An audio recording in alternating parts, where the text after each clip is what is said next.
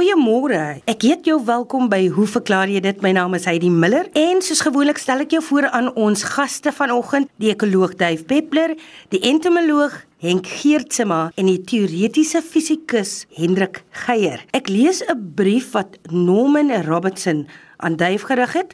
Hy sê in die aftreeoord in Stellenbosch waar hy woon, is daar 'n tortelduif wat feitelik elke nag oor die afgelope meer as 3 maande tussen 10 namiddag en 4 voormiddag een of twee keer per nag vir 'n kort periode koer.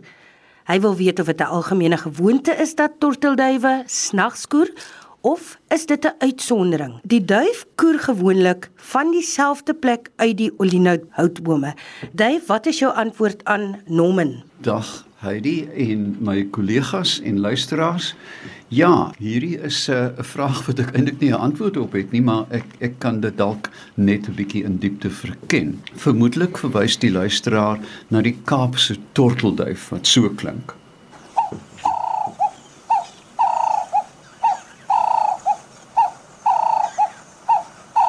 Alonbekende geluid. Maar kom ons kyk 'n bietjie na die hele familie uh van die duwe. Hulle bestaan uit 'n groot familie, die Columbidae en alle duwe op aarde het kompakte, robuuste liggame.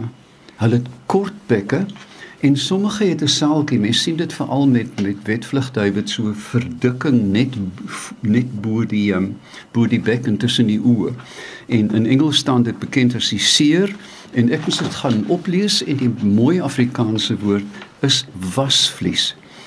Nou ja, duwe is primêr saadvreters en uh, sommige vrugtevreters, maar indien daar oorvloed in die natuur is, uh, superoorvloede soos termiete, sal uh, selfs duwe om die nes staan waar die termiete verskyn en dit dan vreet. Die voedingswaarde daarvan is so hoog. Maar in ariede toestande sal duwe selfs dubbeltjies eet.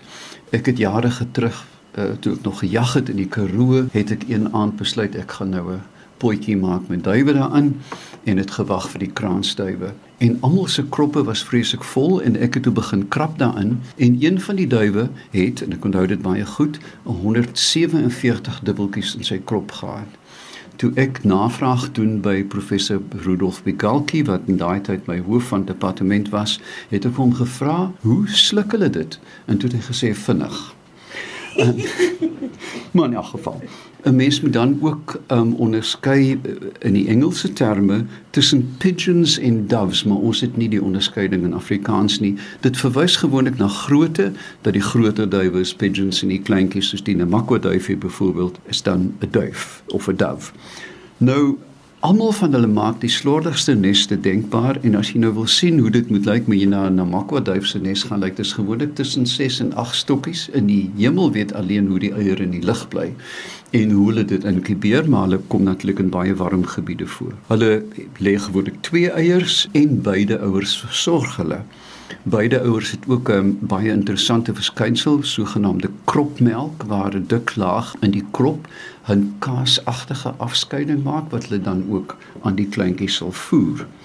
Nou van die kleinste duwe weeg so 30 gram en hulle het so 15 uh, cm vlerkspan, maar dan kry jy duwe van wat tot 2 kg weeg. Reusagtige goed. Ons moet ook natuurlik onthou dat die dodo uh, was 'n duif, 'n uh, vluglose duif. Um, in Nigerië kom daar 'n duif voor wat tot 4 kg kan weeg, maar dan is daar ook in die ooste grondduifies wat so min as 22 gram weeg. Dit is die gewig van 'n van 'n 'n maarmuis. Ehm um, hulle het kort bene, kort bekke, hulle het kroppe en vreemd genoeg in die hemel weet hoekom hulle het nie 'n galblaas nie. Dit is van die min voëls wat nie galblaas het nie baie groot vlerke uh, met uh, met sterk primêre vere en hulle is kragtige vleiers. Um, en ek kan onthou dat ek gesien het dat 'n duif in gelykvlug vir 'n swerfvalk die peregrine letterlik kan wegvlieg want die swerfvalk maak netlik staat op 'n duik om so spoed op te tel. Hulle het 'n um, 'n lae vlerklading in Hendrik sal vir dadelik verstaan wat dit beteken in vergelyking met 'n albatros met lang dun vlerke wat byvoorbeeld 'n hoë vlerklading het. In in lyf en vlerk is hulle kom, kompakte diere.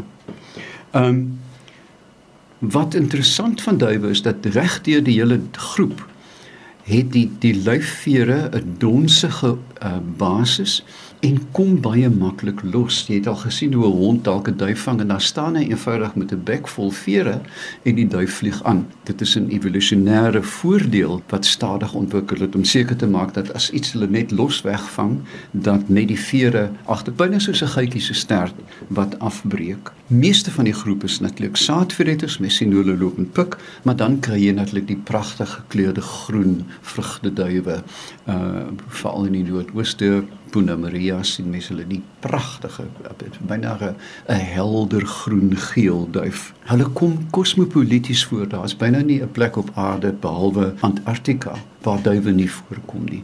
Um, hulle is ook natuurlik saam met mense gedra en as jy mens kyk na die wat die Engelse noem die rock dove in die Afrikaanse woord daarvoor is die tuinduif het hulle van die grootste verspreidings van enige duwe op aarde.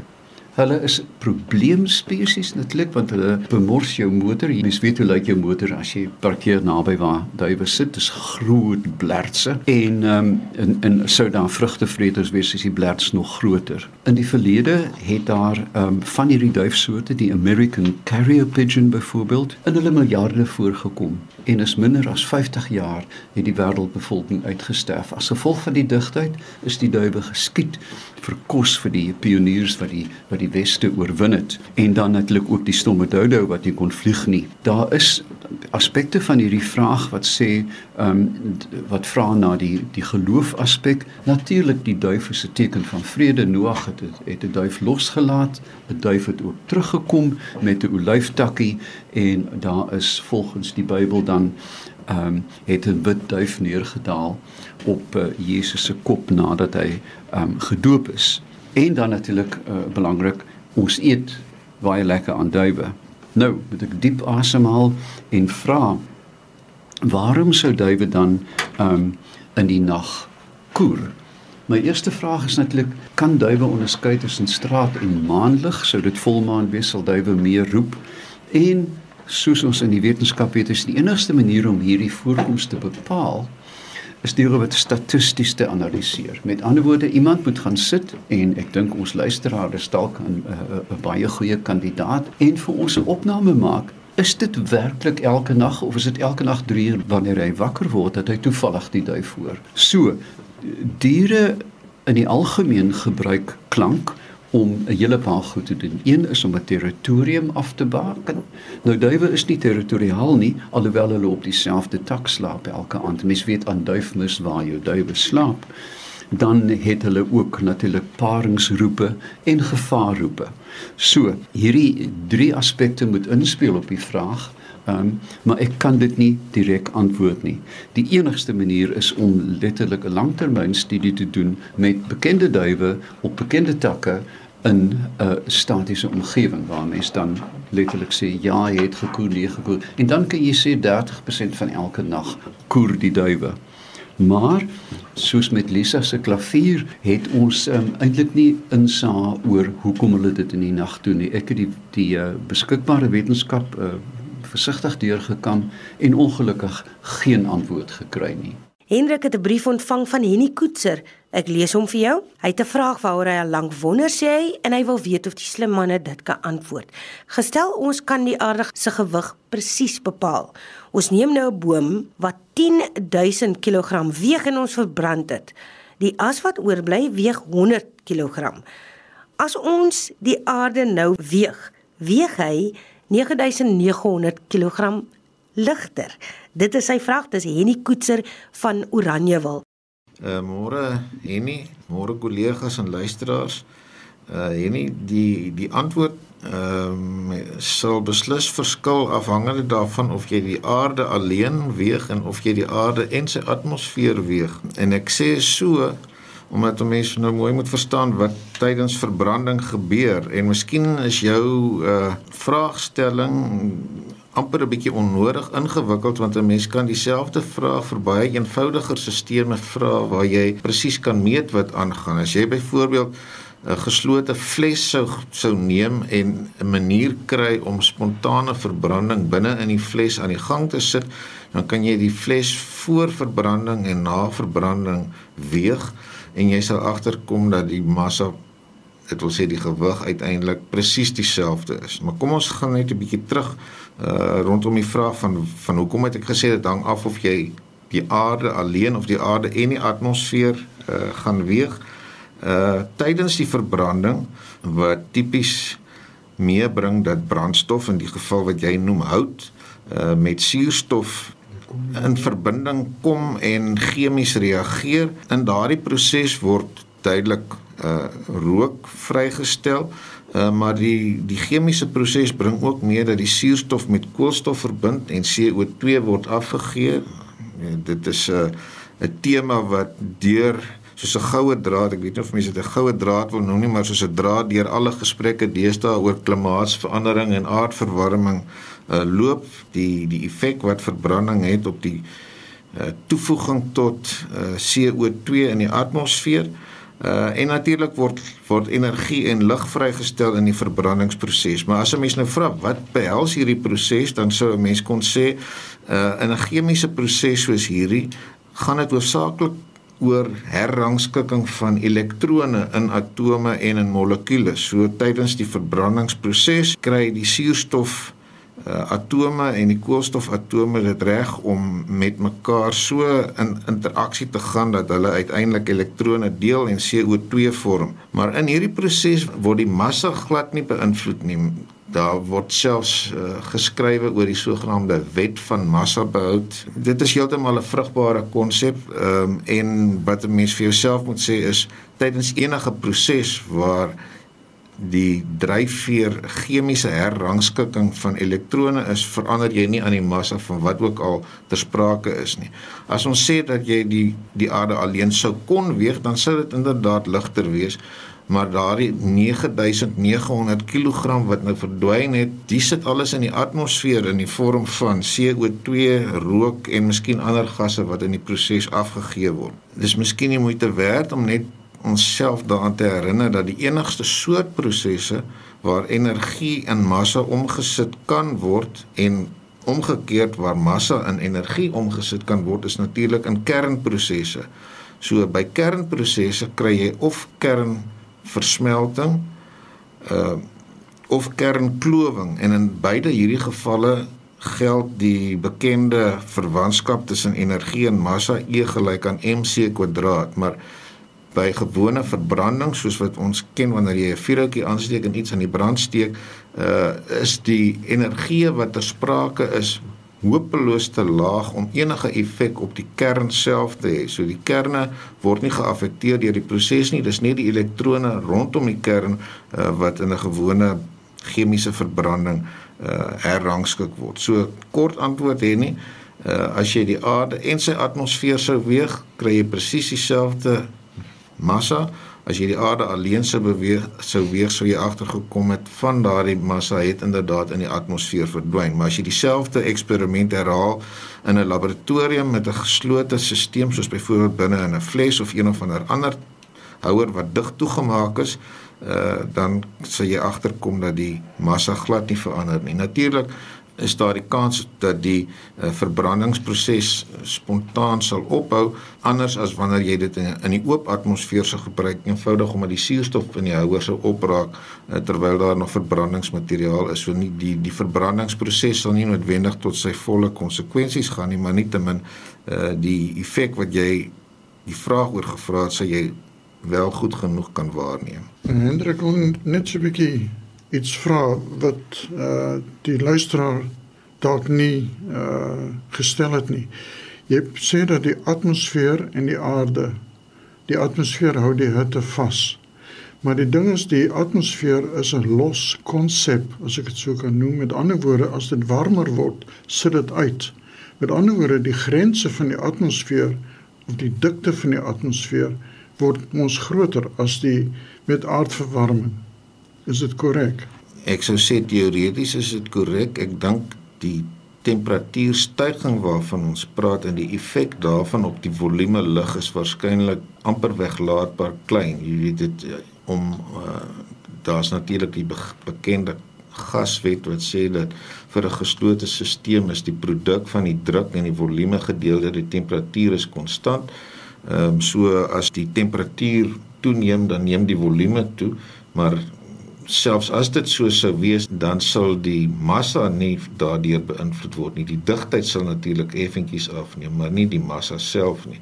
Maar dit jy weet dit is lastig om uh jy weet uit as ons die gesprek gaan stuur in die rigting van waar is die grens van die atmosfeer dan uh, natuurlik is dit so dat sommige molekules aan die aan die bokant van die atmosfeer mettertyd aan die aarde se gravitasie ontsnap.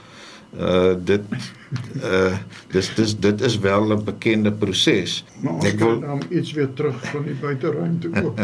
weet daai gesprek is een wat 'n mens dikwels teekom wanneer mense begin argumenteer of die aarde 6000 jaar ouer is of nie, maar ek dink nie is nou die tyd om daai gesprek te heropen nie. Henk Geertsma, dis jou beurt. Ek het 'n brief van Ina Smook van Parys. Die brief het nou die dag tussen my papiere gevind en dit is gedateer 15 Februarie 2019. En nou, ek wil sommer dadelik sê ek is nie 'n plantkundige nie, maar die ding is ek lees die brief en het 'n baie mooi foto saamgestuur van 'n wat sy noem 'n sampioen. Sy sê hierdie interessante vermoedelike sampioen het uit ons grasperk opgekom na die heerlike reënbui so 'n paar nagte tevore in Februarie. Sy woon in Parys en nou het sy die foto met die selfoon geneem en nou vra sy, "Is dit is dit 'n sampioen?" Want die sampioen is by helder oranje kleur en die mannetjie nou interessant, sy verwys na die mannetjie het ook 'n bruin leergordel om sy middel. Nou hierdie sampioen is nie die normale vorm van 'n sampioen nie. Dit lyk meer soos 'n aspersie kan 'n mens sê. En dit is baie mooi helder gekleurd. Sy het nou verwys na die mannetjie. Maar wat sy nie weet nie, is dat hierdie besondere swam is tweeslagtig. Daar is mannetjies en wyfies. So heel toevallig het Ina op die regte uh, antwoord afgekom. Dan sê sy uh, iets van die uh, wonderlike natuur en so aan. Die foto was so duidelik dat ek kon dit uh, uitken Ek het 'n pragtige boek oor parasitiese plante van uh, Dr Visser wat by Stellenbosch gewerk het op 'n tyd.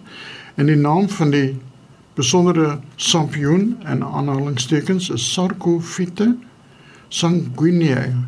Nou sanguinea is 'n Latynse naam wat beteken rooierig.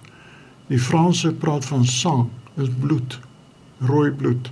So die kleur, sy het verwys na 'n bruin leurgordel maar natuurlik bruin as dit oksideer ja, of is rooi as dit oksideer dan word dit bruinerig.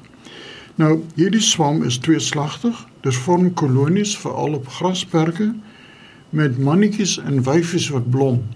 Nou die wyfie lyk heel anderste as die mannetjie. Die mannetjie lyk dan soos 'n aspersie wat uit die grasperk te voorskyn kom. Maar die interessante ding is en hoekom ek 'n bietjie meer hiervan weet, is hulle word bestuif deur insekte. Die mannetjie se uh, aspersievorm is vol stuifmeelkorreltjies en dit klink baie snaaks, maar die ding is dit word aangelok met 'n baie slegte reuk eintlik, soos aasblomme. So insekte kom daarop en dan trek hulle terug na die vroulike blomme en dan bestuif hulle op die manier en voilà, dit is hoe die hierdie besondere swam voortplant. Nou die swam is baie naby aan die so bekende voelend van Transvaal. As in Transvaal kom doringbome het baie kere so groenerige skynsel en dis die voelend. Dis ook 'n parasitiese plant. Hierdie parasiet is eintlik op die wortels van plante en ons veral op akasia met ander woorde op doringbome se wortels. So miskien Ina is jou tuin omring met uh, doringbome wat nie on uh, waarskynlik is in Parys se omgewing nie. Maar dis 'n baie interessante uh parasiet as dit ware, maar moet dit asseblief nie eet nie. Jy sal dit nie kan eet nie. Nommer 1, dit 'n baie slegte reuk en die reuk sal natuurlik gepaard gaan met 'n slegte smaak. So as jy nie weet dis 'n sampioenie, bly weg. Paddestoele kan baie gevaarlik wees om te eet, want meeste paddestoele tas jou niere aan en dit kan natuurlik noodlottige gevolge hê. So maar dis 'n interessante waarneming, baie mooi foto gewees. Los dit, dis 'n deel van die natuur. Ons moet 'n bietjie verdraagsaam wees teenoor ander parasiete ook. Indien die luisteraar nou byvoorbeeld die sampioen sou pluk, hoe waar sou sy uitvind hoe giftig dit is? Hoe sou sy uitvind? Ehm uh, die ding is die beste wat sy kan doen is om so 'n 'n die plant uit te haal tekens van die mannetjie en die wyfie en dit te droog en dan deur te stuur na die Nasionale Botaniese Instituut in Pretoria, na die Nasionale Herbarium. Ek hoop daar is nog kundiges wat in die herbarium werk. Die sal haar meer inligting kan gee, want daar's 'n boek oor die uh, parasitiese plante van 'n uh, sekere visser en miskien by die volgende program kan ek net die boek se volle titel vir Ina deurgee. Baie dankie aan jou. Verklaar jy dit span Henk Geertsma, Hendrik Geier en Dave Peppler ook aan telematiese dienste waar hierdie program opgeneem is. Skryf aan ons. Hoe verklaar jy dit? Posbus 2551 Kaapstad 8000 of stuur vir my e-pos. Hy dit by rsg.co.za.